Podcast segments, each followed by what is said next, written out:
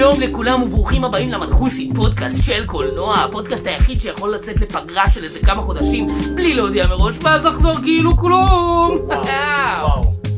נראה לי זה אנחנו. זה היה hot take אחי. hot אם אנחנו נשמעים מעט מוזר זה מכמה סיבות. ראשית, אנחנו קצת בתקופת מעבר בין מיקרופונים, בין ציוד סאונד למיניהם, ציודי סאונד למיניהם, ושנית, it's corona times, אנחנו עם. מסכות. יושבים פה עם מסכות, המסכה חוצצת בינינו למיקרופון, זה... ובינינו גם שני מטר מרחק. כן. תראו. אותנו. אני מרגיש... שומרים על נהלי משרד על הבריאות. כללי ההנחיות. המשרדים. היום בפרק במנחוסי פודקאסט של קולנוע אנחנו מדברים על הסרט האחרון שיצא לצ'רלי קאופמן. אני חושבת לגמור עם זה. I'm thinking of ending things. סרט שנפל עלינו בפצצה ובמתנה מטעם נטפליקס. אנחנו חיכינו לסרט הזה רבות, אנחנו מאוד מאוד אוהבים את העשייה של צ'רלי קאופמן, בעיקר יאירי.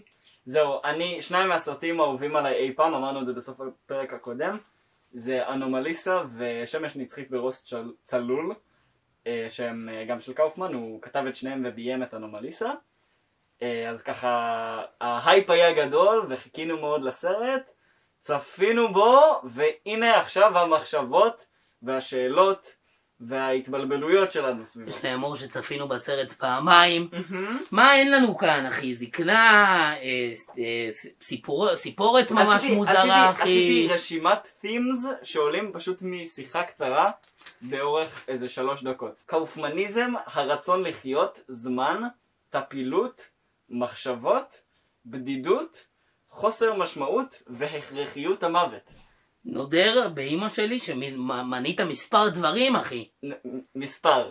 הסרט, אני חושבת, לגמור עם זה יצא בשנת 2020 וזמין בנטפליקס הצפייה לכל מי שמעוניין או מעוניינת לצפות, ולכן מאוד מאוד שזה- קל לראות אותו. זה ממש טוב, כאילו, איזה, איזה כיף שזה ככה זמין. נכון. אז אם אתם... מי- כל מי שרוצה לצפות בסרט לפני שהוא מקשיב לפודקאסט, אף מומלץ! כי כל מילה שנגיד כאן היא ספוילר, כי כל מילה שאפשר. להגיד על הסרט היא ספוילר. נכון, הסגמנט בלי ספוילרים הוא פשוט לא, אין, אין, אי אפשר בכלל ל- לעשות אותו, כי זה לא הגיוני. לא, אין מה. מה יהיה לנו פה היום? אנחנו נדון בסרט, אנחנו נדון במנחוס הזהב, אה, ניתן ככה פרסים יפים ומרעננים ומרתקים, אנחנו נספר קצת עובדות על הסרט, קצת דברים מגניבים, נסכם את החוויה שלנו וסלאם על ישראל ונגלה בסוף הפרק מה הנושא של הסרט הבא. אני חושב שבראש ובראשונה, העניין עם הסרט הזה זה בכלל להבין כאילו על מה הוא. כי אני basically כל הצפייה הראשונה שלי צפיתי בו והייתי כזה, לא, אני לא יודע על מה אתה. ולי זה דרש כאילו ללכת לאינטרנט ולבדוק כאילו מה, מה אנשים מפרשים מהסרט הזה, כי הוא נורא לא ברור, הוא נורא לא מפורש, כדי בכלל לקבל איזושהי אחיזה של מה הכיוון. עשיתי את זה, התיישבתי לראות אותו פעם שנייה, ודברים מתחברים מאוד מאוד יפה. אז אני אספר שאני בשום שלב לא ראיתי אף ניתוח באינטרנט על שום דבר. נראה לי לך מגיע מנחוס הזהב על, על צניעות. יואו. ועל טוהר הדעת. צניעות זו מלכות. טוהר הדעת זה מושג שלא לא אני המצאתי עכשיו. יפה, נשמע נורא. זה בטוח מזוהה עם דברים רעים. אה, דעת! זה תואר. בכל אופן. אז אני חושב שהצעד הראשון, כמו שאמרנו, אני אה, לא קראתי שום דבר וזה הכל פרי מוחי, Mm. עם כמה ש... ו- ולכן זה כנראה ממש לא מבוסס כמו שהדברים שיאיר אה, ראה וקרא, Mm. ויאיר יש לו ככה רעיונות שלו, רעיונות של אחרים שהוא עשה להם אינטרפטציה לרעיונות שלו, Mm. ואני חושב שהדבר הראשון לעשות הוא שכל אחד, אחד מאיתנו יספר ראשית על מה נראה לו שהסרט בכלל. אוקיי. אה, מי רוצה, רוצה רוצה? אתה, אני, אני אתחיל, אתה תתחיל? נראה לי אתה תתחיל ואז אני... אתה מבין מה המספרים? אבן ג'וק אחי אומרים. אבן ירושלמים. עד אחד, מספר ריים, מה, המנצח למה בין השניים, אבן? אחד, שתיים, שלוש. ספיידרמן, עושה עשיתי ספיידרמן. ספיידרמן עם היד. אני אתחיל. זה לא הגיוני אפילו אליאס. טוב, ספיידרמן ניצח מספריים. גו. נכון, תמיד. טוב, מרגיש מרומה. סרט אני חושבת לגמור עם זה של צ'רלי קאופמן בעיניי הוא כל כולו חוויה תוך ראשית Mm, של אדם, אצל אדם מאוד מאוד זקן. מהמם. שעובד כשרת בתיכון אה, אקראי בארצות הברית, קרוב למקום הולדתו, בעצם זה הבית ספר שהוא למד בו גם אה, בצעירותו. הוא בן אדם זקן, ערירי, אה, אין לו חברים, אין לו משפחה, אין לו, אין לו אח ורע, אחי. בטח שהוא לא נשוי. בטח שהוא לא נשוי, הוא לא כלום. הבן אדם מסתכל אחורה בפרספקטיבה על החיים שלו, וזה למעשה כל הסרט, הדיבור על, על הזקנה ואיך אני רואה אותה בהסתכלות אחורה, אה, איך אני רואה את החיים שלי בהסתכלות אחורה, אה, על מה שהיה ועל מה שהיה יכול להיות. הדמיון, הזיכרונות, ההזיות של כל הבן אדם הזה מת- מתלכדות לסיפור אחד ויזואלי שאנחנו יכולים לראות, אה, שמתרחש במוח שלו, ואנחנו חווים אותו מנקודת המבט של אאוטסיידר למוח של האיש, שזו הבחורה, במקרה הזה, הבחורה היא בחורה שהוא ראה מזמן מזמן, ומבחינתו היא הפוטנציאל למה היה יכול להיות, אם הוא רק היה הולך על זה, או אם היא רק הייתה סטרייטית, ואנחנו רואים את זה דרכה. היא מייצגת גם אאוטסיידרית למוח שלו שמפקפקת במה שקורה שם, וגם, היא גם מי שהוא בעצמה. אוקיי. כלומר, עוד רגע נדבר על זה, אבל יש, מה זה אומר מבחינתך? יש דואליות, כן? ג'ייק כן. ולוסי, או איך שלא קוראים לה, כן, הם, הם שניהם ג'ייק. נכון. אוקיי. אז אליאש ואני מסכימים על העובדה שה lead female וה lead male הם אותו, הם, הם אותו בן אדם בעצם. בעיניי- שניהם חלק מהדמיון של הבחור הזה, כן.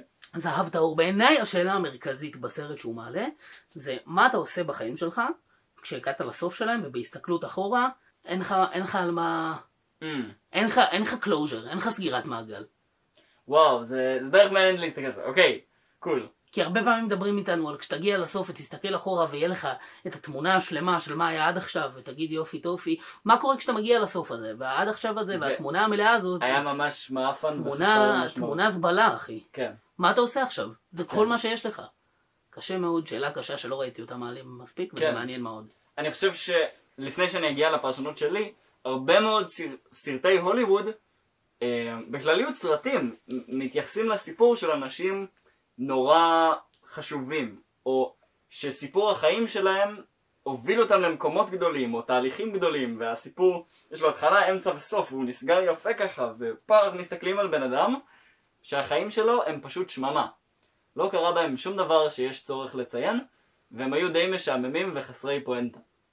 נכון. וזה זה הדמות הראשית של הסרט. אני חושב שזה מאוד מרענן ומאוד מעניין, ונראה לי הרבה יותר כן ואמיתי מאשר לנסות לבחור בן אדם עם איזשהו מאורע נורא גדול ומטורף ומשמעותי בחיים, כי זה לא אנחנו, כאילו, זה לא האדם הממוצע. זה כן אני. אליאש יש לו שכרון אני, גדולה. יהיה לי הכי מעורב בחיים שהכי היה הרבה. אליאש יש שכרון גדולה, תפיצו. נראה לי אומרים גדלות. אוקיי, אתה, יש לך עוד מחשבות נוספות? אני? לזה, אני נותן את זה כ opening statement. אוקיי, אני, אני ואתה, לשמחתנו, אה, חשבנו ש... מאיך שדיברנו על זה עד עכשיו, שאנחנו מבינים את הסרט ממש שונה, אבל אנחנו מבינים אותו יחסית מאוד דומה, אוקיי? כן. אני גם חושב שזה סרט שרוב רובו מתרח... מתרחש בתוך הדמיון של השרת הזקן בבית הספר התיכון, אה, ושג'ייק זה הוא, והבחורה זה הדמיון שלו שמדמיין את עצמו בתור כל מיני בנות זוג שהיו לו בעבר. הסרט נפתח באמירה, היא אומרת, אני מתחילה, אני, אני חושבת על לסיים עם זה, חושבת אה, על לגמור את זה, אה, והיא כאילו מתייחסת לזוגיות ביניהם. והיא אומרת, המחשבה הזאת הייתה פה כבר הרבה מאוד זמן, והיא שם כשאני אוכלת, היא שם כשאני הולכת לישון, היא לא עוזבת אותי, לא משנה מה אני עושה, ומחשבה היא אמיתית, אי אפשר לזייף אותה, זה לא כמו מעשה שאני יכול לזייף. אה, אני חושב שבעצם, אני חושבת על לסיים את זה, זה לא היא חושבת על לסיים את הזוגיות, זה, זה גם זה, אבל בסופו של דבר ברמה העמוקה יותר, השורשית יותר, הליבתית יותר של הסרט, זה מדבר על הרצון שלו לסיים את החיים שלו. בול. אוקיי? הבן אדם הזה בול חי, בלבל, אחי. חיים משעממים, חסרי תכלית, בודדים, עצובים, קרים, יבשים ומשמימים. זהו, והוא החליט שהגיע הזמן לסיים עם זה. אני חושב שההתלבטות שלה, האם להיפרד או לא להיפרד, במובנים מסוימים שאני עוד אפילו לא ממש מצליח להבין בעצמי, כי לא מתחברות לי כל הנקודות, מקבילה את ההתלבטות שלו האם לסיים או לא לסיים את החיים שלו. ותוך כדי שהוא מתלבט האם לסיים את החיים שלו או לא, אה, מה שנקרא החיים חולפים לו מול העיניים. הוא רואה את ההורים שלו זקנים, צעירים, אה, הוא נזכר בזוגיות שהיו לו, אה, חושב מה יכול היה להיות, מה היה, מה לא היה. הוא גם נזכר בדמויות משמעותיות מההווה שלו, שזה אה, נערות שהוא רואה בבית ספר, אה, כאלה אליו. עליו, וכאלה שהוא מבין את הבדידות שלהן ואת השונות שלהן. זה לא מההווה בעיניי. הילדה הזאת הוא ראה אותה איפשהו בשנות ה-80 אחי. יכול מאוד להיות. זה- זה... אני, אני פירשתי את זה. י- יכול להיות שאתה צודק, כי באמת אה, אותה לא רואים איתו ממש ספציפית. כן רואים אותו עובר לידה, אבל השיער שלו הוא לא זקן, הוא עדיין ג'ייק הצעיר. אז יפה, מכובד. זהו, ואז במהלך הסרט, אז גם הוא נזכר בכל הדברים האלה שהיו לו, וחושב מה היה- היה ומה יכול היה להיות, והוא גם מעלה לעצמו כל מיני תהיות פילוסופיות שמעסיקות אותו, כאילו כזה, אה, מה זה זמן, ומה הוא עושה לנו, ומה זה להיות צעיר, מה זה להיות מבוגר, כזה, מה זה בדידות, ומה היא עושה לי, ואיך אני מרגיש לגבי כל זה, ומה זה החיים, ומה זה העולם הזה, ומה זה התרבות הזאת. זה משתקף בכל מיני שיחות שיש לו איתה, שזה גם מחשבות שיש לו לפני המוות. והדבר האחרון, זה שהסרט מסתיים, אנחנו הולכים לדבר עכשיו על הסיום. מבחינתי זה, זה מהותי לאיך שאני תופס את הסרט. אז תפתח. הוא, הסרט מסתיים בזה שהוא שר אה, את ה... אני חושב שזה שיר מהמחזמר אוקלהומה. אה, זה בדמיון שלו אחרי שהוא זכה בפרס נובל. אה, ויש המון אנשים בקהל שמריעים לו ומוחאים לו כפיים, וזה בעצם הם רואים אותו. והשיר שהוא שר זה שיר על הרצון שלו לקחת את המציאות לידיים ולדאוג שמה שהוא רוצה יקרה, אה, שזה קצת עצוב בהתחשב בעובדה שהוא מת מהיפותרמיה בתוך אוטו. זה, זה הסוף, הוא רצה שיראו אותו, הוא רצה שיראו את הערך שלו, הוא רצה שימחאו לו כפיים. מה שבעיניי מגניב בכל מה שדיברנו עד עכשיו, אנחנו שנינו נתנו את הניתוח שלנו לאיך נראה הסרט, אבל כשאתה נכנס בצפייה ראשונה לסרט, אין לך מושג. שעל זה הסרט. זה פשוט בכלל, בכלל לא, לא מתחבר. לא מבחינתך עם- כרגע, לא אתה רואה סרט על מישהי שנוסעת עם חבר שלה לבית של ההורים שלו, נכון. ודברים ממש מוזרים מתרחשים, כן. יותר ויותר ככל שהסרט מתקדם, כן. ובסוף אתה יכול להרכיב לעצמך תמונה של איך זה נראה, אבל רק בצפייה שנייה אתה באמת יכול להרכיב את הפאזל. כן, כן. אני, אני בצפייה ראשונה, לא סתם שלא הבנתי את הסרט, אני ממש ממש התעצבנתי עליו. כאילו, זהו, זה היה ממש אחת החוויות צפייה הכי פחות טובות שהיו לי הרבה זמן. ממש מצאתי את עצמי כועס על הסרט. למה? כי פשוט בכלל לא הבנתי אותו. כמו שאתה אומר אליאש, כזה, כשאתה נכנס, אז אתה לא מבין מה הרובד העמוק יותר של הסרט, והסרט נראה כמו אוסף מגובב של דברים לא קשורים ולא הגיוניים שלא. מתחברים, ואתה פשוט טועה כזה, מה, מישהו פשוט מנסה לעשות ממני צחוק, כזה, בוא, בוא, בוא, בוא נעשה לו שיט פוסט, ניתן לו לראות שעתיים ועשרים של משהו מבלבל ולא קוהרנטי שאני מציג לו, ונראה מה קורה. אבל בעצם יש שם, הדברים מתחברים. אה, ובצפייה השנייה שלי באמת היה לי הרבה הרבה יותר מעניין, ואשכרה מצאתי את עצמי מבין דברים. מה שאני הייתי צריך להבין, כאילו הדבר שמצאתי באינטרנט, שגרם לדברים להתחיל להתחבר, זה פשוט האמירה הזאת שהבת הזוג היא, היא בדמיון שלו. אה, וברגע ששמעתי את זה, אז הייתי כזה, אוקיי, כאילו הגלגלים מתחילים לרוץ, ואז היום, ממש כשישבנו לראות את זה, אז פתאום מצאתי את עצמי כותב עמוד שלם על הסרט הזה, והייתי כזה fuck, זה סרט שהייתי קודם ב vibe של אני בכלל לא נהנה ממנו, או אפילו מעצבן אותי ומרגיז אותי, ועכשיו כזה, יש לי כל כך הרבה מחשבות שעולות ממנו. קיצר, צ'רלי קאופמן אף פעם לא היה במאי שמאכיל אותך בכפית. אתה תמיד צריך לעבוד קשה כדי, uh, כדי לגלות מה חבוי בתוך הסרטים שלו. אמת כשאתה זה. עושה את זה, זה משתלם. זהו, בהרגשה שלי, אני כאילו כבר על הצפייה הראשונה בשלב מסוים הבנתי שהכל מדובר בדמיון של האיש הזקן הזה, וההסתכלות? שלו אחורה על? החיים שלו. אני לא יודע אם זה בגלל שהנושא הזה של זקנה מאוד קרוב לליבי, Mm. אה, בגלל סבא וסבתא שלי, או בגלל... אה, אני, אני לא יודע, פשוט בשלב מסוים הייתי כזה, אוקיי, הוא פשוט... הוא פשוט אה, אה, אה, ראיתי את הקפיצה בזמנים של ההסתכלות שלו על ההורים שלו, הבנתי את כל ההקבלות שעשו לנו בצורה מאוד מאוד אה, אה, נקודתית וחכמה על להסביר לנו שהשרת וג'ייק הם אותו בן אדם, כן. ואז אמרתי, אוקיי, הנה ההווה ההגיוני, איזה- וכל זה, זה, זה הזיכרון, הפיסות זיכרון האקלקטיות הלא הגיוניות. מה גרם לך להבין שהם אותו בן אדם? אני זוכר בדיוק את הרגע שהבנתי את זה. מה בדיוק הרגע שהבנת?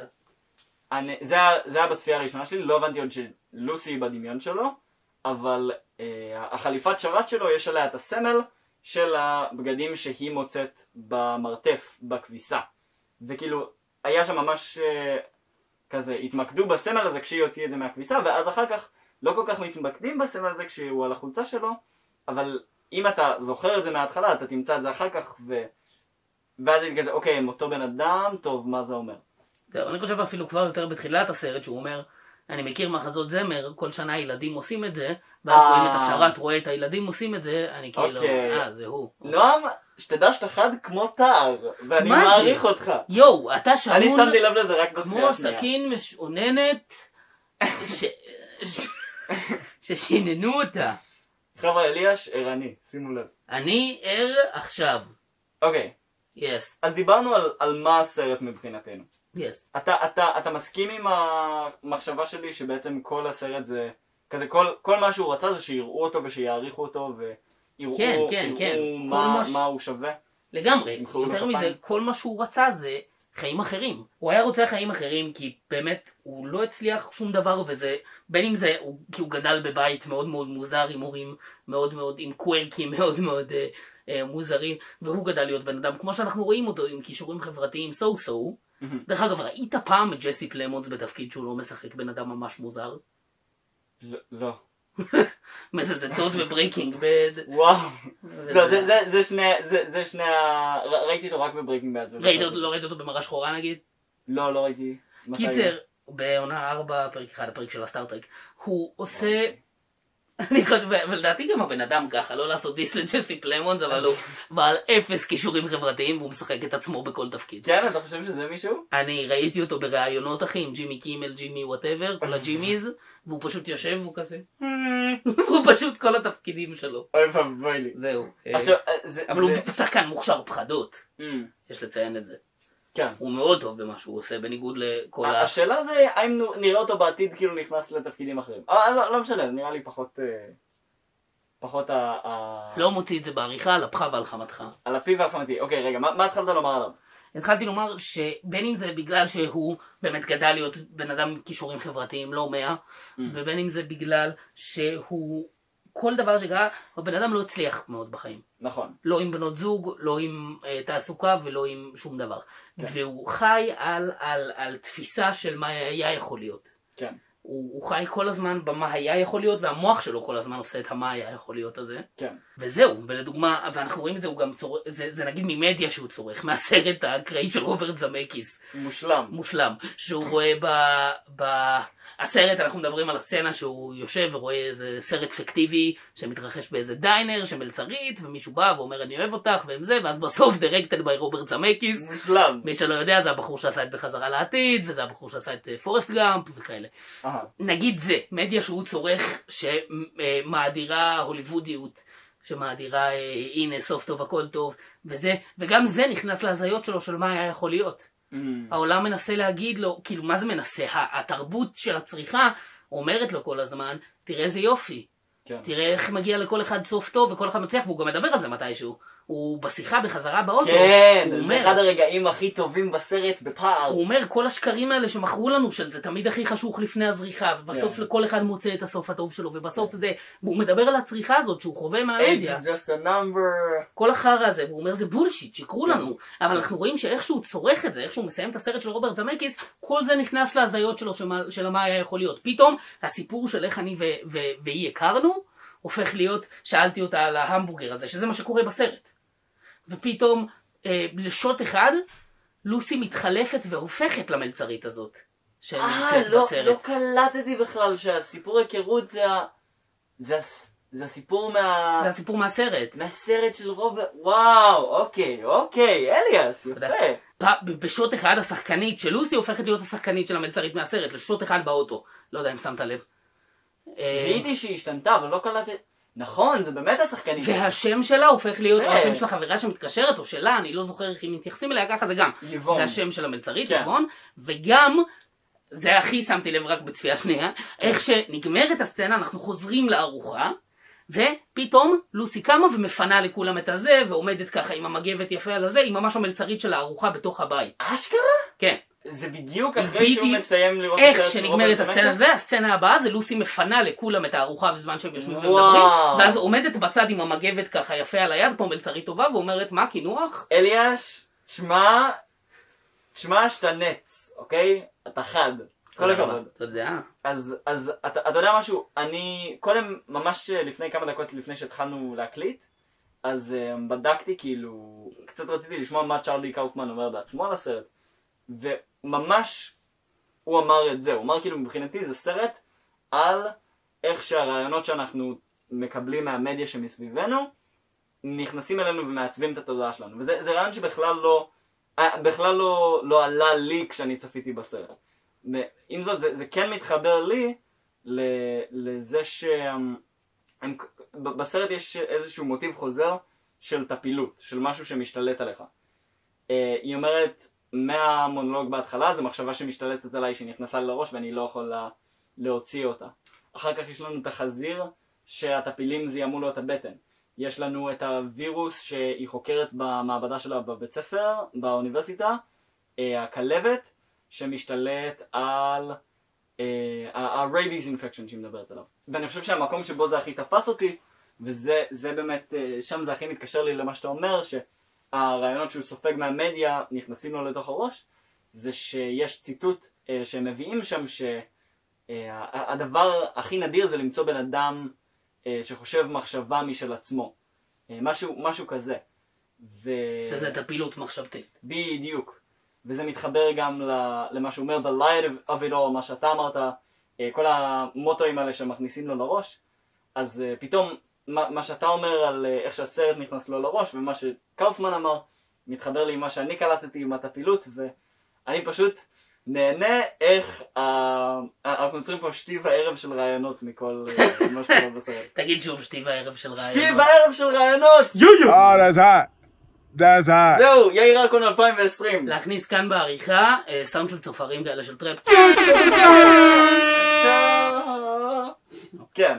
אוקיי, אז דיברנו על הרבה רעיונות ואמרנו הרבה מהפרשנויות שלנו, ונראה לי שמאזינים אה, שצפו בסרט ולא התחבר להם כל כך, בעיקר אם הם צפו בו רק פעם אחת, רוצים לדעת למה אנחנו מבססים את הת... כאילו, איך הגענו למסקנות שהגענו להם. אז הסברנו למה אנחנו חושבים שג'ייק הצעיר והשרת הם אותו בן אדם, נכון? אתה, אתה אמרת שזה בגלל אה, שראית אותו בהצגה הקודם. גם האוקלאומה והסרבל, שאתה העלית. והחליפה שלו. אה, למה אנחנו חושבים שלוסי סלש לואיזה סלש לוצ'יה סלש איבון היא רק בראש שלו ולא בן אדם אמיתי? היא איזשהו אה, בן אדם עם מחשבות משל עצמו, אבל שחולק את המחשבות עם ג'ייק. כל הזמן יש לנו, יש לנו במהלך הסרט הרבה פעמים אה, בלבול בין הזהויות שלהם.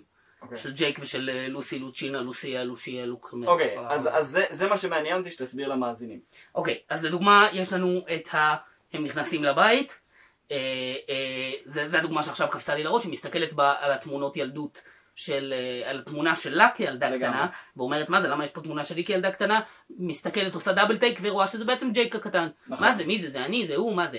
אה, אחר כך היא אומרת, הנה הציורים שציירתי, איזה יופי, כשהיא נכנסת למרתף היא למעשה רואה שהציורים האלה הם. ציורים של ג'ייק. נכון. זה אני, זה הוא, זה מה זה. אבל אנחנו לכל אורך הסרט גם רואים, היא חושבת מחשבה והוא אומר, מה, אמרת משהו? כי זו מחשבה שאתה כן, לא. נכון.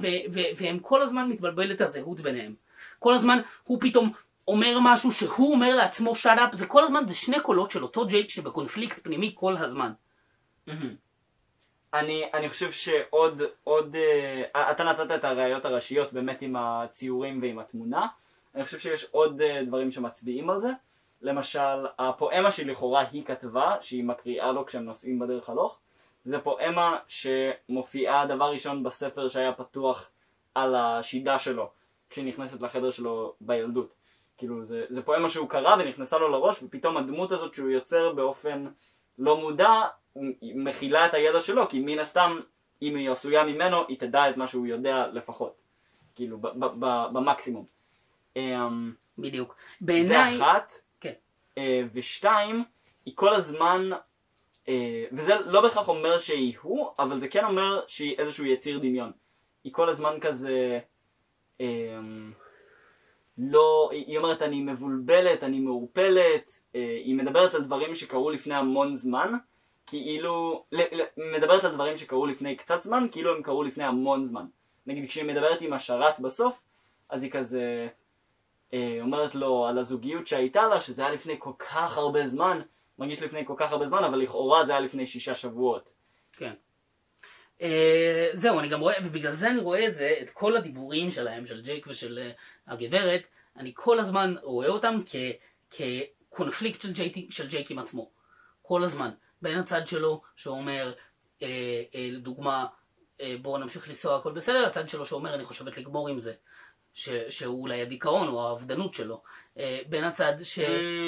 אוקיי? בין הצד אוקיי, שאומר אני. חושב ככה והצד שאומר אני חושב ככה ופתאום נכון כל פעם שהיא אומרת משהו שקצת פחות מתאים אז הוא קוטע אותה. ואומר לא זה לא המחשבה עכשיו לא מתאים נכון, נכון. לא מתאים כי כל הזמן המחשבות הרעות האלה מתגנבות לו או לא בהכרח הרעות, היא לא תמיד הדמות היותר שלילית ממנו, הם כל הזמן בחילוף תפקידים, כי באמת המוח כל הזמן בחילוף תפקידים.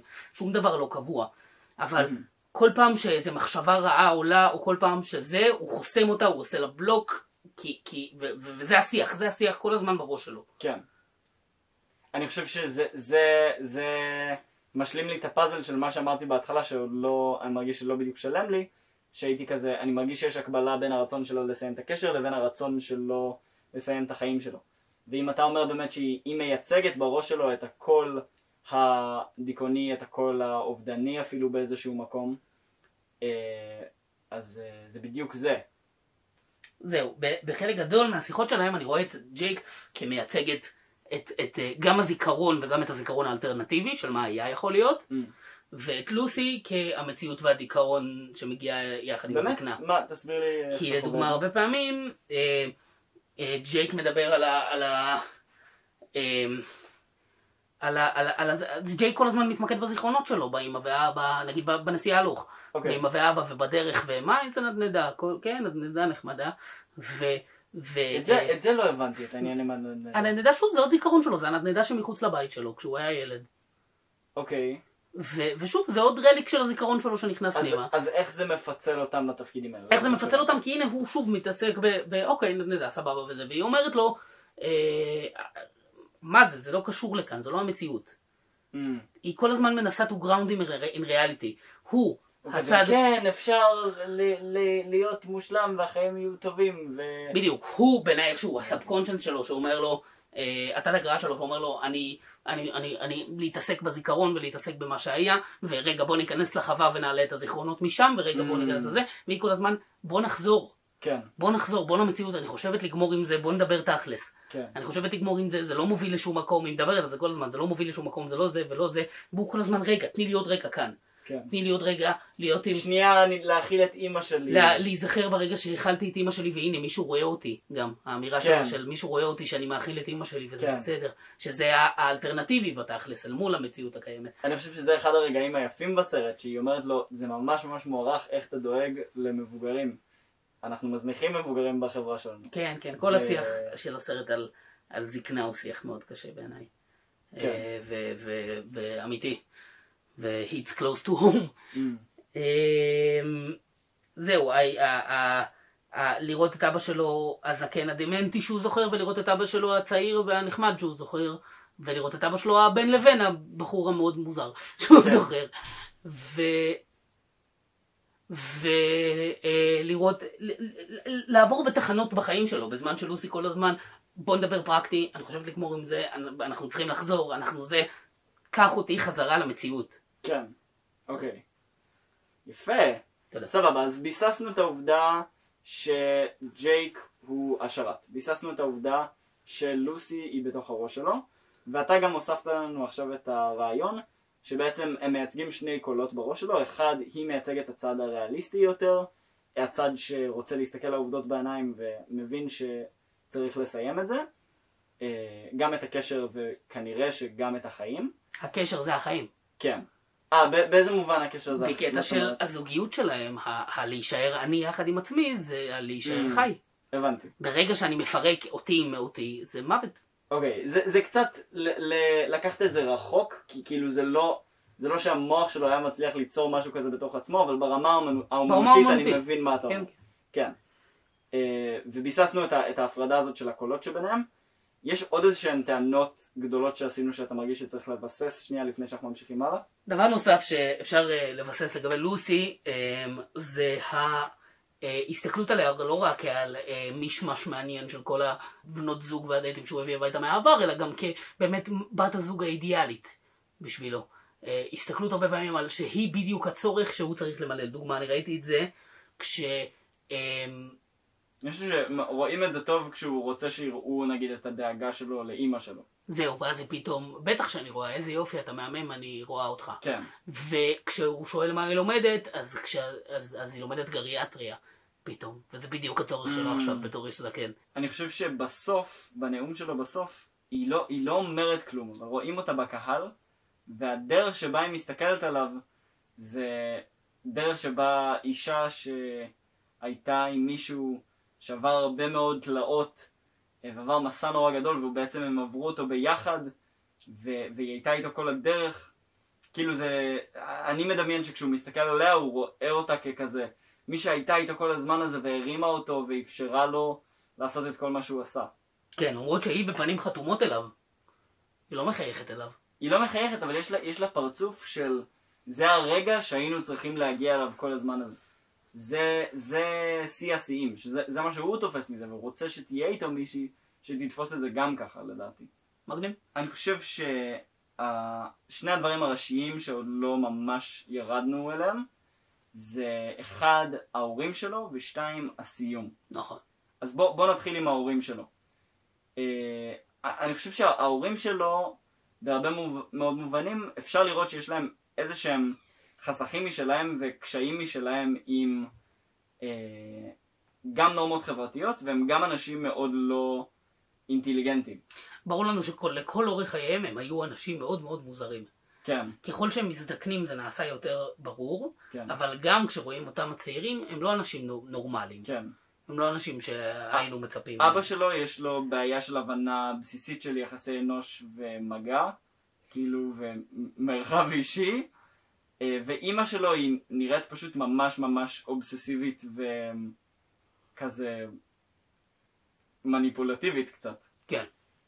לגמרי. אה, בגלל זה גם אני מאמין שג'יי גדל להיות הבן אדם שהוא בדיוק. חסר הכישורים החברתיים וחסר ה... ממש ממש ממש חסר כישורים חברתיים. ואני חושב שזה פגע בו כל החיים שלו. והרבה בסרט, כאילו גם החזיר אומר את זה וגם אימא שלו אומרת את זה, אה, שיש את העניין הזה של ה... הלוטו הגנטי. כאילו Mhm. הקלפים שאתה מקבל. כזה... מישהו צריך להיות חזיר עם... אה, נכון.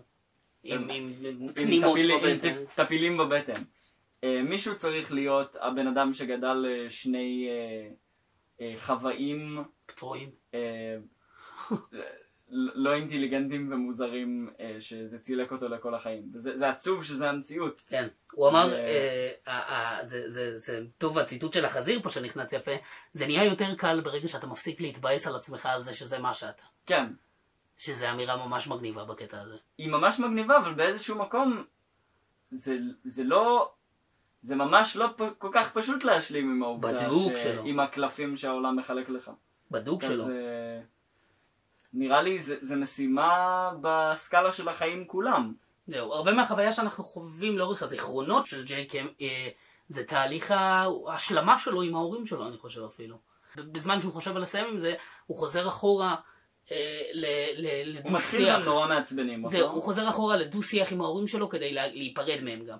הוא מתחיל כשהם נורא מעצבנים אותו, ולאט לאט הוא, הוא, הוא נזכר ברגעים שהם היו זקנים, הוא, הוא נזכר ברגעים יותר אנושיים של אבא שלו, שהוא אומר, זאת הסיבה שהתאהבתי באימא שלך, הצחוק שלה, אני מתגעגע אליה, אנחנו יודעים שהאימא הלכה לפני האבא. אמ, והרגעים שהאבא דמנט, והרגעים שאני צריך לשבת ולהאכיל את אימא, והרגעים שאני לידה אה, כשהיא הולכת, והסתכלות עליהם יותר כעל בני אדם, והסתכלות עליהם כעל, כעל Mm. הדמויות המשפיעות ביותר בחייו, ופרידה מהם, אחרונה והשלמה איתם. אתה, אתה פשוט חד בטירוף ואני לא יכול להפסיק לפרגן לך, אתה שם פה לב לפה לדברים ממש... אתה חתיך. תודה. אמ, תראה, אני, אני בכלל לא קלטתי שיש כיווניות למפגש הזה. מבחינתי זה היה איזשהו מין פלטה כאוטית משונה של מפגשים ואירועים, אבל אתה, אתה מייצג פה קו נורא ברור של בהתחלה לכעוס עליהם, בסופו של דבר להשלים איתם. נראה לי מתחבר בצורה מאוד מאוד חזקה ל- לרעיון הזה שהוא של סיום. הוא צריך לסגור לעצמו את המעגל לפני שהוא מסיים. כן. זהו, זה לגבי ההורים שלו. זה ההורים שלו והסיום. בוא נדבר על הסוף. אוקיי, הסוף, אני חושב, שוב, גם פה יש קו החלק הכי בעיניי. מבלבל בסרט. הכי מבלבל, אבל גם הכי... פה יש קו בעיניי ברור לאורך הסרט, אוקיי, של אמ, האיש הזקן שלנו, ג'ייק, נהיה יותר ויותר מנותק מהמציאות. אוקיי. אה, ככל שהסרט ממשיך. הוא, הוא לא רק איש זקן, הוא איש זקן דמנט עם בעיות כלשהן. שהיו לו כבר הרבה מראש גם. כן. אמ, לקראת הסיום יש את הסצנה בגלידריה. נכון. וממש ממש לפני שהיא מסתיימת, אז הנערה המשונה, שמי שאמרת שהוא כנראה פגש בשנות ה-80 או משהו, אומרת לו שהיא... היא אומרת לה, ל- ללוסי, אה, היא, היא לא רוצה שהם ילכו ושמסריח מאחורה, אה, לא בגלל שהם מנקים, אה, היא שואלת אותה למה מסריח, היא לא עונה לה, אבל אני חושב שזה כי היא... מסריח כאילו זה סירחון של גופה. והיא אומרת, אני מפחדת, אני מפחדת שתלכו, I'm scared.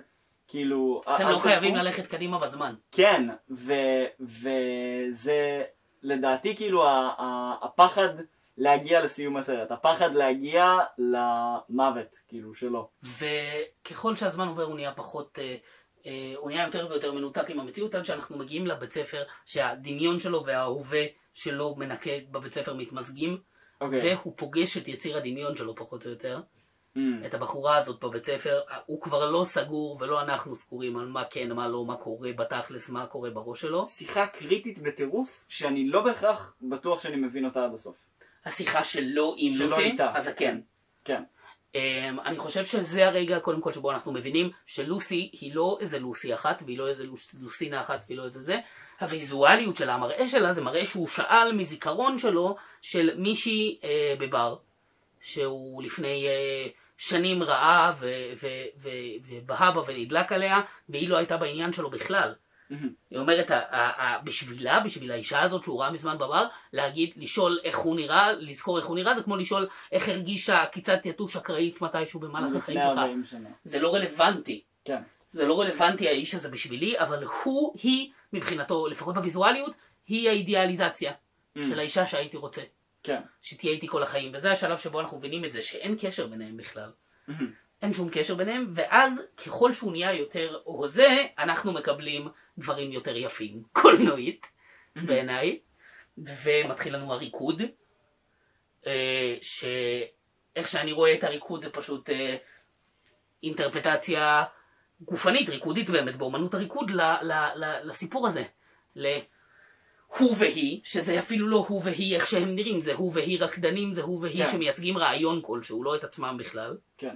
זה הרעיון הזה של היחד, של הלאהוב, של הלרקוד בצורה קרובה. שם כאילו בהרבה מובנים את הגבר המושלם והאישה המושלמת. נכון, שרוקדים באהבה יחד וצמודים, והופ כן. חתונה, והופ איזה יופי. כן. ומגיע ואז לנו... מתחיל לרדת שלג. מתחיל לרדת שלג, שזה המציאות שלנו. אני חושב שהשלג הוא מטאפורה לזמן. דבר איתי. אה, יש שלב שהיא אומרת שבדרך חזור מההורים, קצת אחרי שהם יוצאים מהם, שזה לא שאנשים עוברים דרך הזמן, זה שהזמן עובר דרך האנשים. נכון. ויש שוט מהמם של, של ה, אה, הרכב, והמצלמה כזה קצת מסתובבת מסביבו, והם באמת לא זזים, אבל השלג כאילו כן, עובר דרכם, יפה. ובאמת כשהם נכנסים לתוך הגימנסיה, כשהם רוקדים, מתחיל לרדת שלג, ואז מחליף את הדמות של הגבר המושלם, הדמות של המציאות. של המציאות, שזה, זה, דרך אגב, הוא לבוש בבגדים של השרת. נכון, שזה מה שהזמן נתן לנו בעצם. כן, כזה, הזמן אוקיי, לקח יפה, אותי, יפה, הזמן יפה. קלקל אותי, אה, ירד שלג, השלג הוא הזמן, התקלקלתי, ועכשיו, להבדיל מלרקוד ריקוד יפה ואלגנטי עם האישה הזאת, אני מטרד, אני מועקה, אני... זה לדעתי, פוגע ה- בה. המלחמה הזאת של הגבר הצעיר והאידיאלי אל מול הזקן השרת Mm. האמיתי, זה מלחמה בין האידיאליזציה ש- שיש לו בראש למציאות, שזה המלחמה כל הסרט. כן, זהו. בסוף השרת מנצח. נכון. השרת מנצח וג'ייק ולוסי שאנחנו מכירים באים אחד לשני, מביטים אחד בשני מבט אחרון, והיא הולכת. והיא הולכת. אין זמן לאידיאליזציה וג'ייק מבין, הגיע הזמן לגמור עם זה. Mm. ג'ייק נכנס לאוטו, אה, החול היפותרמיה, מוריד את, אה, מתפשט, שזה דרך אגב דבר אמיתי שקיים, נכון. שכשאנשים, אה, יש מה שנקרא התפשטות פרדוקסלית, זה, זה השם המקצועי של זה נראה לי, אוקיי. שזה אנשים שחווים היפותרמיה מתחילים להתפשט אה, כי הם מרגישים שהבגדים קפואים ואם הם יורידו את זה יהיה יותר נעים, אבל בעצם זה רק הורג אותם יותר. וואו, אני, אני פשוט ראיתי את זה ממש זה אמיתי. במטאפורה, ראיתי את זה ברמה האמנותית לגמרי, זה כזה, הוא מתחבר ל... ל... אתה יודע, עירום כביום מהיוולדו. גם לגמרי אפשר לסתכל על זה בדיוק ככה. בדיוק סוגר את המעגל בין היום הראשון לחיים שלו והיום האחרון לחיים. יאללה, מגניב. Mm. אבל זה, וזה גם, וזה, אז הנה, הנה שוב המציאות. איזה והאומנות. יופי, תראה, גם בסרט המציאות והאומנות, וגם אצלנו בפודקאסט. כן. כן. יופי. אמ, ואז יש לנו את הפרסומת של הגלידה, ששוב, זה זיכרון שלו, שמדבר אליו, זיכרון של האידיאליזציה שהוא קיבל במדיה, של עולם כיפי שבו כולם ליצנים ו- ודברים שמחים וזה. והחזיר, שנמצא על ה... על ה... שגם הוא חלק מהסמל של הטולסי טאון, כשראינו בשלט אה, הלוך, ראינו Mm. חזיר ליד הטולסי טאון. אני לא ראיתי. אבל זה גם החזיר מהילדות שלו. זה החזיר, מה? זה החזיר המצויר שבטולסי טאון, שהוא מסתובב אליה ואומר, בוא, בואי תצטרפי אליי. זה קורה בהתחלה של הסרט. לא, לא זכרתי, אני סומך עליך. אוקיי, ואז בסוף הסרט אותו חזיר, שהוא גם החזיר מהילדות שלו וגם החזיר שמתקשר לנו לפרסומת, אומר לו את אותו משפט שהוא אומר בתחילת הסרט, בוא תצטרף אליי. כן. והוא נותן לו את המונולוג הזה של זה מה שהחיים נתנו לנו וזה נהיה פחות קשה ברגע שאנחנו מקבלים את זה שזה מה שהחיים נתנו לנו ומישהו צריך להיות חזיר אכול תולעים אז, אה, נכון. אז אה, למה שזה לא יהיה אני? ואתה יודע מה, מה הדבר האחרון שהוא אומר לו? מה? האחרון האחרון שהוא אומר לו זה בוא נשיג לך בגדים ואז עוברים לנאום. אני לא יודע למה זה, למה שקאופ... ה- השורה האחרונה שקאופמן בחר לשים שם, אם יש לך רעיון אתה מוזמן לומר לי. ולפני זה הוא אומר לו שבתור פיזיקאי אתה צריך לדעת שאתה ואני והמחשבות שלנו והתולעים והכל זה הכל עשוי מאותו דבר, זה הכל חומר. כן, Uh, we're all made of, of the same stuff. כן. שזה שוב, זה פשוט הסתכלות על החיים והמוות כן. כ- כאיזשהו משהו הוליסטי יותר. כן, נראה לי, נראה לי זה משהו שמנחם לבן אדם לומר לעצמו בסוף החיים. זהו. ואז אנחנו מגיעים לסצנה האחרונה שהיא באמת ה... ה- ה- מה היה יכול להיות, יכולתי לסיים את החיים שלי ולקבל פרס נובל. דרך אגב, את זה, אה, טוב, חשבתי לשמור את זה לפינת העובדות, אבל, אבל בא לי לשים את זה כאן. זהו, המונולוג הזה הוא, הוא, הוא הסרט ה-Beautiful Mind, שדרך אגב, ראית אותו? כן, ראיתי אותו מזמן, ואני נורא אוהב מתמטיקה, למי שלא יודע, אני חולה על מתמטיקה, ורציתי לראות אותו כי ג'ון נאש הוא מתמטיקאי אמיתי, וממש... זה סרט גם על. מתמטיקה. בדיוק, על ג'ון נאש, אה, אבל ממש התאכזבתי כי הוא בקושי היה על המתמטיקה, ו... אני ראיתי את החצי שעה הראשונה והשתעממתי רצח והלכתי. מודר. אה, הוא, הוא יותר סרט על uh, בעיות נפשיות מאשר על מתמטיקה. זה, זה, זה גם בסדר, זה פשוט כנראה ה marketing לא היה מדויק. בכל אופן, הסצנה האחרונה הזאת היא אחד לאחד הסצנה האחרונה מ-Beautiful Mind. נכון. אה, הוא מקבל, בסצנה האחרונה של Beautiful Mind הוא מקבל את הפרס נובל שלו ואומר את הנאום, ופה גם הוא מקבל את הפרס נובל ואומר את הנאום, שזה גם השפעה של המדיה על ההסתכלות על מה אה. היה יכול להיות. נכון. אה, שדרך אגב, כשמסתכלים על, על חדר הילדים של ג'ייק, יש כמה סרטים על הקיר, אחד מהם זה Beautiful Mind, אז זה סרט שהוא גדל וואלה, עליו. יפה. זה מהעובדות? כן. כן. ספוילרים להמשך, תראו מה זה. אמ, והוא נותן את השיר האחרון, שהוא גם לדעתי שיר מאוקלהומה, אני חושב. ממה שאני הבנתי כן. וכולם מוחאים לו כפיים והכל מושלם, והוא סוף סוף שמח והוא סוף סוף קונטנט, ונגמר. ורואים אותו. וסוף. סוף רואים אותו, ואנחנו חוזרים לרכב שמכוסה בשלג בבוקר, כנראה כבר גופה בפנים, אה, ונגמר. כן. וואו. אז אני חושב שזה סגווי מעולה ללעבור, עד עכשיו דיברנו על מה הסרט. לדעתי, ממש חשוב שנדבר גם על איך היה לי לראות את הסרט. כאילו, מה. מה חוויתי, מה הוא גרם לי להרגיש. ו... שוב, אני אגיד, פעם ראשונה שראיתי אותו, הוא פשוט עצבן אותי, הוא חירפן אותי, לא, לא הבנתי מה הלו"ז, לא הבנתי מה הכוונה, לא הבנתי מה הוא מנסה לעשות.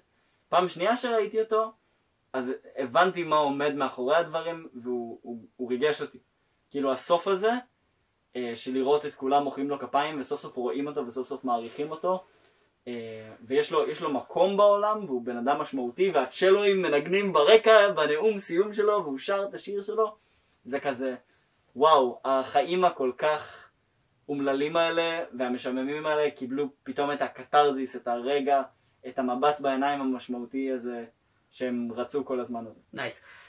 אמ, מרגש. ממש, ממש. אמ, אני, החוויה שלי הייתה בעיקר, אני, אני מאוד מאוד אוהב סרטי אווירה. מאוד אוהב סרטים של, הרבה יותר משחשוב לי שסרט יהיה קוהרנטי בעלילה שלו נגיד, ואני בן אדם מאוד של זה גם, אבל, אבל יותר משאני צריך שסרט יאכיל אותי בכפית מה אני אמור לחשוב, אני, Mm. אני רוצה להרגיש אותו. מהמם. וזה סרט אווירה אה, אה, בכל צורה ואופן, זה סרט שאי אפשר לברוח מהאווירה נכון. המוזרה, אפלה, מפחידה, קרה, קרה פילוסופית, בודדת. זהו. וזה סרט שאתה לא יכול לראות אותו בלי, בלי להיות בתוכו. אהה. ובגלל אה, זה... בצפייה הראשונה שלך אתה יכול. בצפייה הראשונה, בצפייה השנייה הייתי מאוד בתוך כן. ה- לכתוב במחברת רעיונות. ואתה יודע משהו, אני, אני יודע שאם עוד שנה אני אשים אותו, אני פתאום אחזור לאותו מקום. נכון. לחשוב על כל הדברים האלה. נכון? כי זה, זה, זה לגמרי לגמרי סרט אווירה, בטח כשאין לך מושג על מהו ואתה כן. כל רמז קטן אתה, אתה, אתה אוסף אותו במוח שלך כדי לנסות להרכיב את הפאזל. כן, ובגלל זה נורא נהניתי מהצפייה בו. הוא מוזר להחריד, כן. הוא כל הזמן דברים כאלה, אה, catching you off guard, אה, אה, מפילים אותך מהמשמר שלך, אתה כזה, בואו, רגע, זה לא ציפיתי שיקרה הרגע, זה לא ציפיתי, בתוך האווירה הנורא הקרה והמחושבת, ולכן מאוד נהניתי מהצפייה בו, וברגע שהבנתי שמדובר בסרט על זקנה, הוא גם מאוד מאוד נגע בי Mm. ברמה האישית. ואני גם אגיד היום ש- שהשוט האחד שהכי נגע בי, זה לא השוט האהוב עליי בסרט, אבל השוט שהכי נגע בי, אה, לוסי מחבקת את, ה, את השרת Mm. הזקן בפעם האחרונה, ועוזבת אותו, והוא עם דמעות בעיניים, וואו. נפרד מיציר הדמיון שלו, ואני לא יכול לראות זקנים בוכים. או, אני לא יכול, זה שובר אותי. נע לעולם. וואו, אליאש. אני אוהב את הסרט. אני, אני גם, אני מרגיש שעברתי תהליך כדי, יופי, כדי אני לצאת שמח, כי. בפעם הראשונה אחרי שצפינו צפייה שנייה, דיברנו כל אחד בטלפון, בנפרד, אני כזה, אליאש, אני מה- לא אוהב את מה זה, זה היה אני? לא אוהב את זה ואני לא יודע למה נקליט כן, על זה. ואני אני ממש ממש ממש שמח, בעיקר כי כאילו, אני, אני, אני מרגיש שכאילו, שוב- שובצה עוד אבן חן בכתר שהוא הפילמוגרפיה של צ'ארלי קאופמן. מופלא. אמ, ופה אני חוזר לקאופמניזם שאמרתי כבר בהתחלה. הסרט הזה הוא כל כך צ'ארלי קאופמן, ואני אני מת על זה. כאילו, מה, מה זה, מה מאפיין את הסרטים של צ'ארלי קאופמן בעיניך? בעיניי הסרטים של צ'רלי קאופמן מתעסקים כל הזמן במוזרות שבאנושיות, נכון, בבדידות, נכון. בזהות, במי אני אל מול עצמי ואל מול, ואל מול הראש שלי. זהו. זה, זה סרטים נורא אנושיים, נורא פנימיים, נורא אינטרוספקטיביים. אה, הרבה שאלות פילוסופיות על כזה, מי אני, מה המקום שלי בעולם, מה המשמעות של החיים, אה, מה אני צריך לעשות, העולם מנוכר אבל אני מחפש משמעות. אה, מאוד מאוד אה, אקזיסטנציאליסטי כזה באיזשהו מובן. והסרט הזה הוא, הוא בדיוק נוגע בכל הנושאים האלה. אני, אני חושב שעוד משהו נורא חשוב אצל קאופמן, יש לו הרצאה של איזה 40 דקות שהאזנתי לה פעם, אה, על כתיבה. אה, ובהרצאה הזאת הוא פשוט עובר אחד אחד על הרבה מאוד חוקים והמלצות של אה, תסריטאים ואנשים שמסבירים איך לעשות תסריטאות, והוא כזה, עזבו את החרא הזה, עזבו את החרא הזה, תכתבו מהלב, תכתבו משהו שרק אתם יכולתם לכתוב. ובאמת צ'רלי קאופמן שובר כל מוסכמה תסריטאית שקיימת. כן, ציטוט, הציטוט האהוב עליי של, קרלי, של צ'רלי קאופמן, שגיליתי אותו היום, זה אה, I have no idea what the fuck is a third act. אה, אין לי מושג מה לעזאזל, זה מערכה שלישית, לא יודע מה אתם רוצים, תנו אה. לכתוב אחי, מה שנראה לי. כן, ואני אני, אני כל כך מעריך את זה, וכאילו, באמת, יש לך פה יוצר סרטים שהוא לא בשביל הדאווין, והוא לא בשביל הבוקס אופיס, והוא לא בשביל המבקרים, הוא פשוט כותב מהלב, בצורה הכי כאילו תמימה ויפה שיש, ובין אם תתחבר לזה, בין אם לא תתחבר לזה, it is what it is, ו- ו- וזה מה שהוא נותן לך. וכל הממורמרים יכולים לאכול תמרים. כן, משפ... המשפט הקלאסי שלי. יש לקאופמן את הצורך הזה לקחת אנשים ולשים אותם ב... מצד אחד בעולם מנוכר וכזה מסריח ומזויף, מצד שני לתת להם את הרגע שלהם לומר דברים באמת ומהלב. זה, זה משהו שרואים בהרבה מאוד סרטים שלו, את הניגוד הזה בין העולם המנוכר והאפור ובין הנפש הפנימית שמחפשת כזה את האמת ואת היופי ו... ואת הרגש, ואני חושב שזה זה נורא רלוונטי נגיד למה שאתה אומר על המדיה. כאילו כזה, יש לך את כל המדיה שמנסה להכיל אותו שיט ושטויות ורעיונות אה, מעוקלים ושל אנשים אחרים שנובעים מתרבות הצריכה ואיזושהי אופטימיות לא, לא קשורה למציאות ולהבדיל כאילו יש אותו שהוא פשוט רוצה שיראו אותו כזה שיראו את הערך שלו, שיראו מי הוא ו- ו- ויוקיעו לו על זה. אמ, וואו, אני, אני ממש ממש שמח שיצאתי מכל זה בסופו של דבר כשאני אוהב את זה. יא יא! That's hot. לא חושב שזה הסרט קאופמן האהוב עליי, אני עדיין יותר אוהב את אנומליסה ואת איטרנל סנשיין. תצפו, תצפו. עוד יהיו פרקים על זה, נודר. כן, חד משמעית, אנחנו הולכים לעשות את זה, מלא על מה לדבר איתם. אמ, ואני חושב שדבר אחרון, שממש ממש חשוב לי לדבר עליו, זה כמה הסרט הזה ייחודי אומנותית, כאילו. אמ, כזה, הוא, הוא באמת באמת באמת, it's doing its own thing. כן. כזה, אין, אני לא יכול לחשוב על עוד סרטים אה, או, ש, שהם זה. ממש לא, כאילו, כן. אין פה... התסריט פה הוא לא... בוא נגיד, זה לא, זה לא, לא למדנו את זה בתסריטאות לא. אה, בסיסית, ו- את ו- הדבר הזה. והוא הוא מצליח לאזן מצד אחד לעשות משהו שהוא נורא לא נגיש, עם משהו שבסופו של דבר נוגע לך בלב ומרגש אותך. לגמרי. וזה משהו שאני מעריך בטירוף. זה למה שאני גם תמיד אומר שהמקביל המוזיקלי של צ'ארלי קאופמן זה רדיואד. וכמו שעם... עם, אוי, יאיר התחיל לדבר על רדיואד. וכמו שעם... אוי, אם אתה לוקח שיר, אה, שיר של רדיואד נגיד מהאלבום קיד איי, אתה תמצא את עצמך מאזין לו בפעם הראשונה כזה, מה זה החרא הזה? מה זה קשור לחיים שלי? מה אני צריך את זה? תשמע אותו פעמיים שלוש, פתאום הדברים יתחברו לך, תבין את הרגש, תבין את הלב, תבין את הליבה של זה. ו... ואליי זה, זה מדבר ברמה הכי עמוקה שיש, וזה למה שצ'ארלי קאופמן הוא בשבילי אחד היוצרי סרטים האהובים עליי. אתה אומר, הדבר שהכי מעריך אצל קאופמן זה היכולת שלו לגעת בך באופן אישי מתוך המקום הכי הכי הכי out there ושלו כן, שקיים. כאילו, יש את קאופמן, שהוא לא מכיר אותי, והוא באמת באמת יוצר משהו שהוא מבפנים והוא שלו, והוא כל כך כל כך אמיתי וכל כך כל כך כן, שאתה, גם אם אני ממדינה אחרת ומתרבות אחרת, עם שפה אחרת, וחייתי חיים אחרים, אני לא יכול שלא להבין את זה ולא להתחבר לזה, ולא לא להתרגש מזה. ענק. והוא באמת באמת מבחינתי הוא אחד היוצרי סרטים הגדולים שיש כרגע. זה היה יאיר על צ'ארלי קאופמן. אני חולה על צ'ארלי קאופמן. יאיר, אני חושב שהגיעה השעה? הגיעה השעה? הגיעה השעה ל... למה? לפרס מנחוס הזהב! או, כן. עכשיו זה השלב שהם עכשיו מתקרבים למיקרופון. מכל הכיוונים. טוב, מנחוס הזהב היום. אנחנו נעניק היום שלושה פרסים כל אחד, סולידי, קטן, חמוד. הפרס הראשון יוענק לשורה האהובה עלינו ביותר בסרט, הפרס השני יוענק לה, אה, נקרא לזה שוט, אבל, אבל לא בהכרח בצילום, לרגע הקטן, אולי, האהוב עלינו ביותר בסרט, ואת הפרס השלישי אנחנו ניתן ל- לדבר המוזר ממש שקורה, שהכי שמחנו, שהכי נהנינו. מהעובדה שהוא התרחש. אה, נקרא לזה ככה, זה כותרת ממש ארוכה על הפרס. טוב, יאיר, אני... פרס מנחוס הזהב לשורה הטובה ביותר מטעם יאיר אלכוהול לשנת 2020 מוענק ל...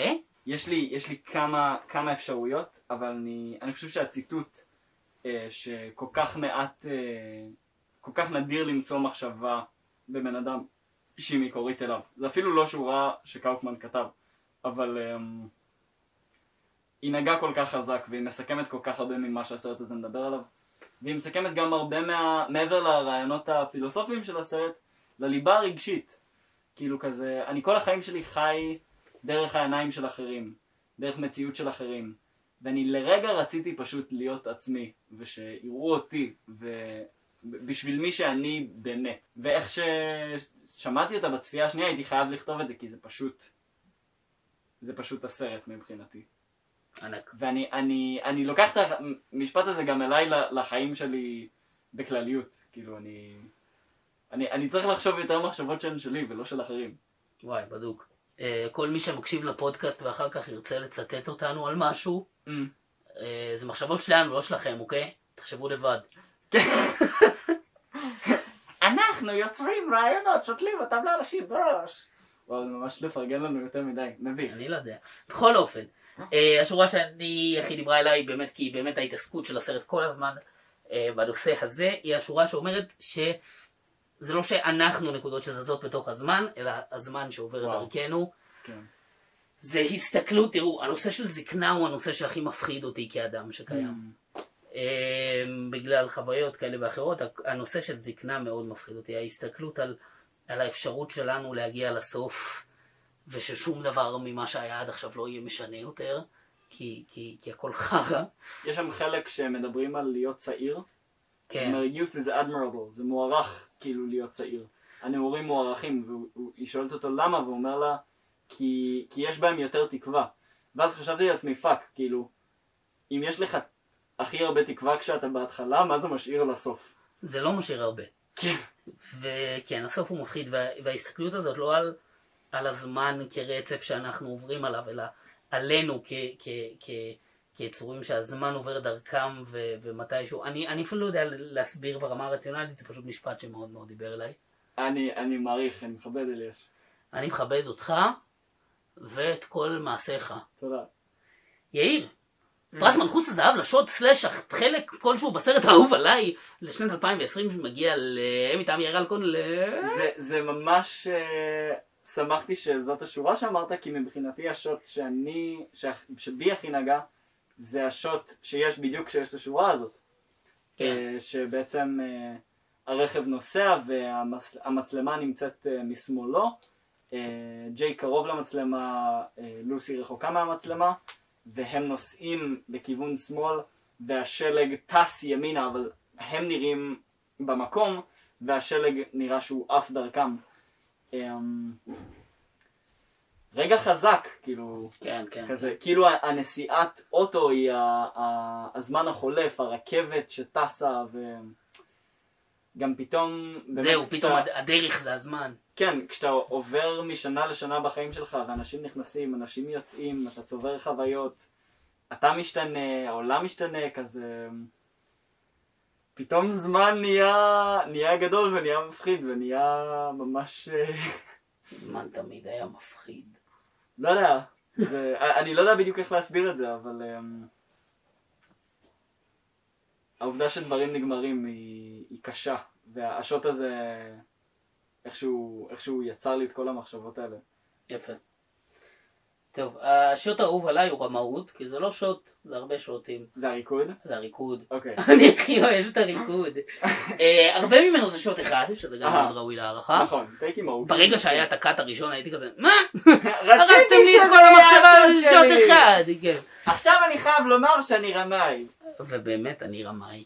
תראו איזה כן ו- וישר אליאש שהוא מודה ברמאות. זה אני. כן לציפור.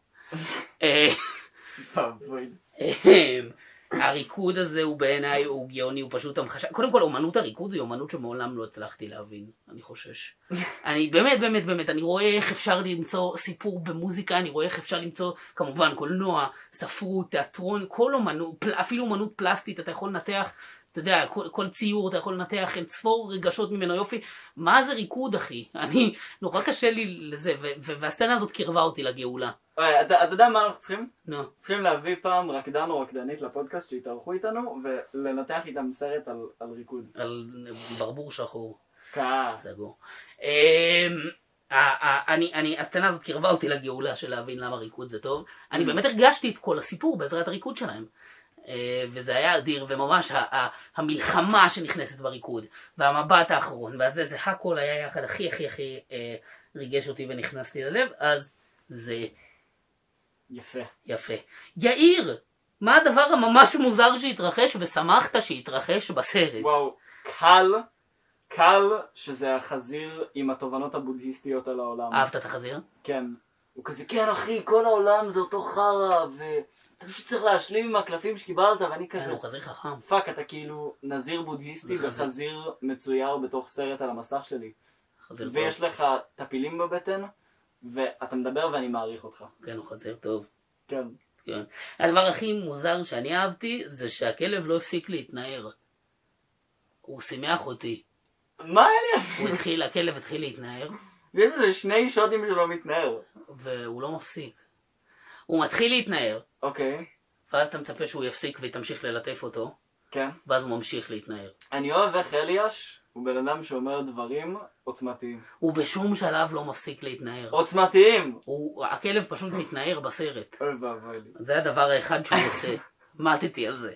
כל הכבוד. אוהב כלבים, וכלבים שנתקעים בלופ. נראה לי- נראה לי שיישמת את העצה של קאופמן ודיברת באמת מהלב, נראה לי ואני מוכן לסלוח לך. שאני יכול עכשיו להעביר קורס על יסודות. המיזנסצנה. אוקיי, אה, אז זהו, נראה לי שסיימנו נראה את לי פרס ש- מלכוס הזהב. נראה לי שסיימנו את פרס מנחוס הזהב. הילדים עושים יאי. צריך, צריך אה, לעשות זקנים שעושים יאי, כי עבר עליהם הזמן.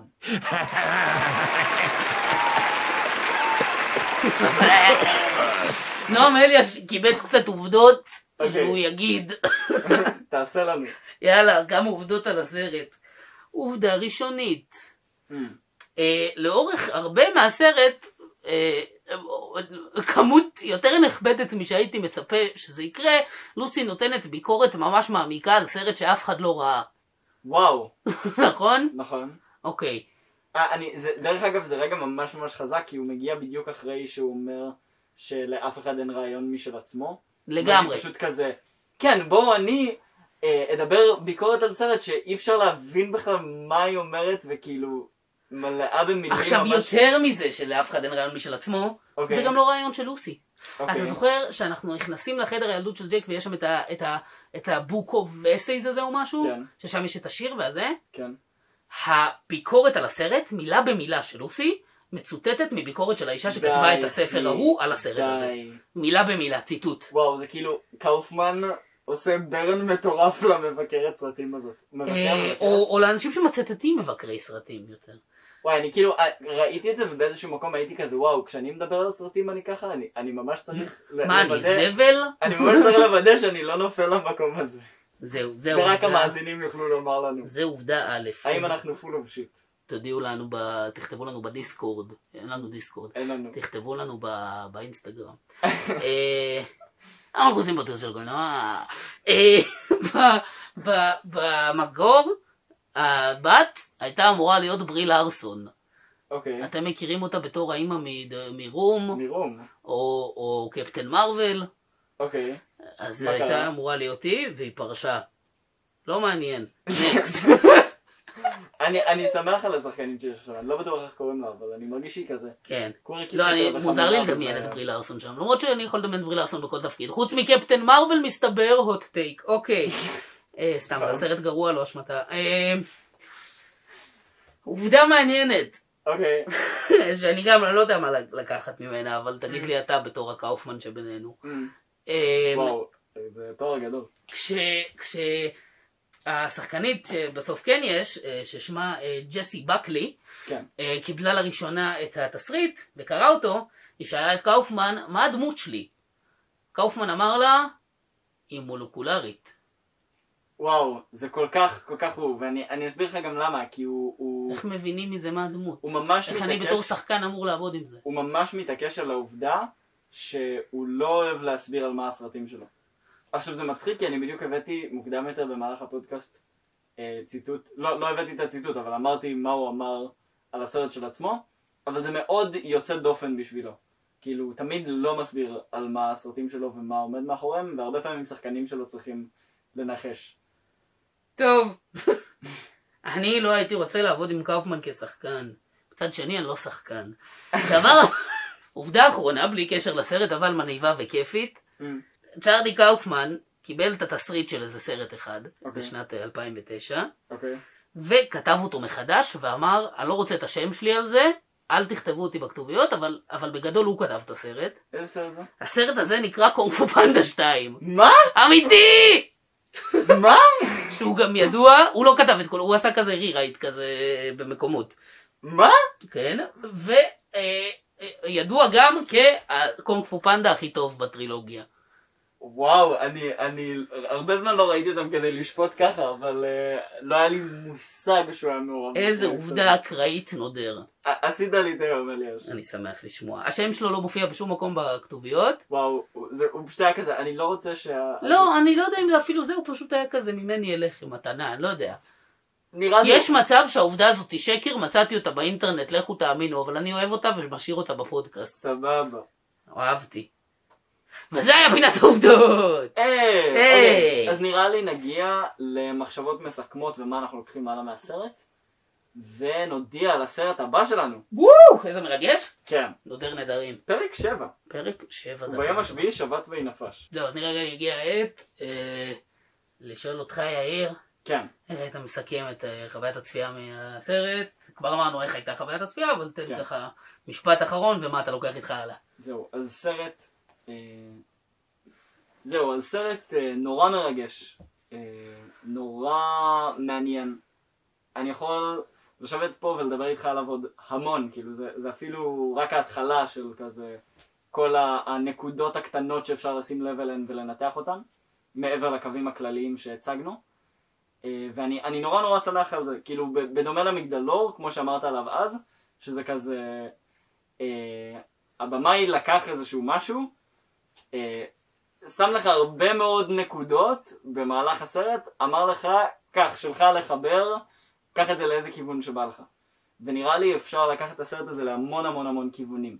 מעבר ל, ליסוד שלו שהוא אה, יחסית ברור, אתה יכול לפרש אותו להרבה מאוד כיוונים ואני נורא מעריך את זה. אני חושב שהוא סופר אמ- אומנותי וייחודי ויוצא דופן ואני ממש ממש מעריך את זה ואת ה, את הקול האישי אה, והייחודי של קאופמן בתוך זה. ועל אף שהוא לא היה צפייה פשוטה בכלל, אני ממש ממש שמח עליו.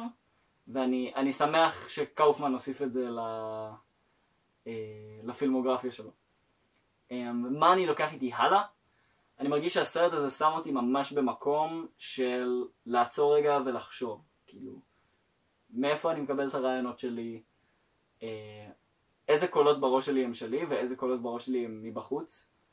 אה, לחשוב רגע מה, מה הדברים שבאמת חשובים לי, האם זה דברים מלאכותיים או שזה באמת הצורך שלי אה, בזה שיראו אותי ויאהבו אותי, כאילו זה, זה הדברים הכי יסודיים שיש וצריך לזכור את זה, כאילו מה באמת באמת חשוב. אה, וגם פשוט להיות במין מצב כזה של לחשוב על הדברים ולא רק לעבור את החיים. והסרט הזה נורא נורא גורם לך לחשוב ולתהות ולשאול שאלות וכזה אני, אני מרגיש שלפעמים, אני, אני עכשיו בצה"ל, מרגיש שלפעמים בתוך השגרה הצבאית אז אני, אני מאבד את הקול הזה שיש בי. ואני אני רוצה, אני רוצה להשאיר אותו ולחזק אותו ולהעצים אותו ולתת לו מקום. ואני מרגיש שהסרט הזה נתן לי, נתן לי ככה את המוטיבציה לעשות את זה. חווייתי. זהו. טוב, אני נהניתי מהסרט בצפייה הראשונה.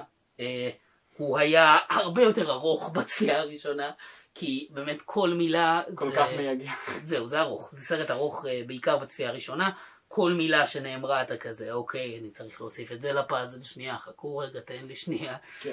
אמ, וזהו, ובגלל זה, עם כמה שנהניתי ממנו, וזה, לא היה לי כוח לצפייה שנייה. אני הרבה זמן דחיתי את הצפייה השנייה ולא ראיתי אותה עד שממש הייתי חייב. כן. אני שמח שני- שראיתי. שנינו חטאנו בזה. זהו, אני שמח שראיתי את הצפייה השנייה, זה סידר לי את הפאזל במוח בול, וזה סרט מאוד מעניין עם רעיונות מאוד מעניינים ש... ש... ו... ו... ועם נושאים שבאמת רלוונטיים אליי, וברשותך, אני אראה אותו פעם הבאה רק עוד כמה שנים. כן, כן, די, כן, ו- ואתה יודע משהו, וזה בסדר. ואני ממש אשמח לראות אותו עוד כמה שנים, כי אני אהיה בן אדם אחר אז. ואני, הזמן יעבור דרכי, או שאני אעבור דרך הזמן, ואני אשתנה עד אז, ופתאום אני אהיה כזה... מי יודע? מי יודע? מי יודע אם... ה- הנקודות שבהן הוא יתחבר לי לחיים כרגע, יהיו איזשהו זיכרון נוסטלגי ומצחיק, והוא ייגע בי במקומות אחרים לגמרי. זהו. אה, אז אני מאוד מאוד מאוד שמח שראיתי את הסרט, אני אוהב אותו, אה, אני, אני גם שמח עם זה שסיימתי עם שתי הצפיות ו, וזה מאחוריי. אה, זהו, דבר שאני לוקח איתי מהסרט זה באמת, אה, יש הרבה אנשים בודדים בעולם, ואני חושב ש... שאולי ראוי, וזה קשה עכשיו בקורונה למצוא זקן ערירי ולארח לו חברה, וזה ככה וזה שמה, אבל, אה, אבל יש לנו את הכוח לעשות לאנשים, אנחנו ההבדל, אנחנו יכולים להיות ההבדל בין בן אדם שחושב לסיים עם זה לבין אדם שרואים אותו.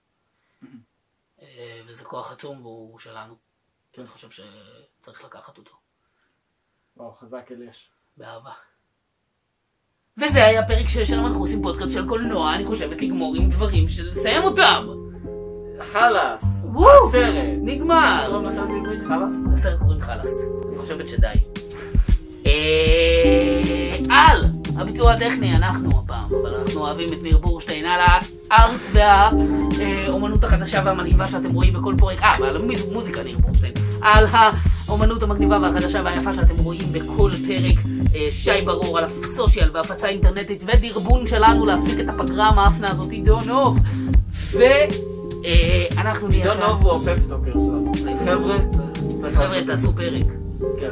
אה, אתם יכולים למצוא אותנו בכל אחת מהפלטפורמות הדיגיטליות, בין אם זה פייסבוק, בין אם זה אינסטגרם, בין אם זה יוטיוב, בין אם זה ספוטיפיי, בכל מקום אתם יכולים למצוא אותנו, לשמוע אותנו, לעקוב אחרינו, להמליץ עלינו לאנשים שאתם חושבים שיכולים ליהנות, ואני חושב שהגיע הרגע הגיע העת להכריז על הסרט הבא על שלנו. הסרט הבא. אז אם אתם זוכרים, זה היה מזמן מזמן, אז אולי קצת קשה, אבל הפרק הקודם, הסרט רום, הסרט חדר, היה בחירה של יאיר. הסרט הנוכחי היה בחירה של שנינו יחד, ששנינו החלטנו שאותו ראוי לראות, כי חדש של קאופמן, בואו נדבר סרט עליו. חדש שיוצא, חייבים לדבר על זה. אז עכשיו התור של אליאש. עכשיו למעשה הלכה למעשה תורי. אוקיי, עכשיו, אתה מותח אותי כבר הרבה זמן מה זה.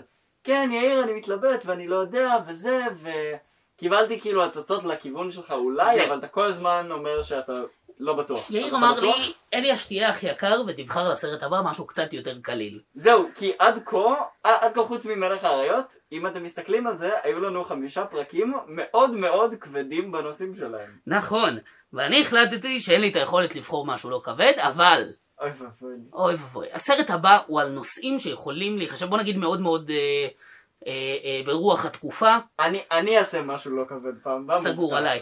ס- אבל רגע, עליי, לא עליי. מאוד מאוד ברוח התקופה, מאוד מאוד נושאים שכאלה עולים וזה, אבל בגדול הוא סרט קומדיה. אוקיי. הוא סרט קומדיה כיפי ומצחיק, שהוא גם, אני לא יודע איך לתאר אותו מעבר לזה, הסרט נקרא, סליחה על ההפרעה, Sorry to bother you, לא מכיר. אני, הוא יצא בשנת 2018, אוקיי. לדעתי של A24, אני לא סגור על זה, 824 זה סימן טוב. כן, אני ראיתי אותו אתמול בפעם הראשונה, אשכרה. כן, הוא נגמר, ואמרתי, יש לי כל כך הרבה דברים מעניינים להגיד עליו, ויש לי כל כך הרבה שאלות מעניינות שעלו לי, ואני לא יודע מה התשובה עליהן, Mm. ואני רוצה לדבר על זה. אשכרה. אז uh, הסרט הבא, Sorry to bother you, סליחה על ההפרעה, אתם יכולים למצוא אותו בנטפליקס ישראל, אתם אפילו לא צריכים VPN בשביל זה. Uh, הוא לא סרט של נטפליקס, אבל הוא כרגע נמצא בנטפליקס, uh, שווה צפייה, uh, ואנחנו ניפגש בפרק הבא של עושים פודקאסט של קולנוע, תודה רבה לכם על ההאזנה, אתם אנשים מקסימים. שבוע נפלא.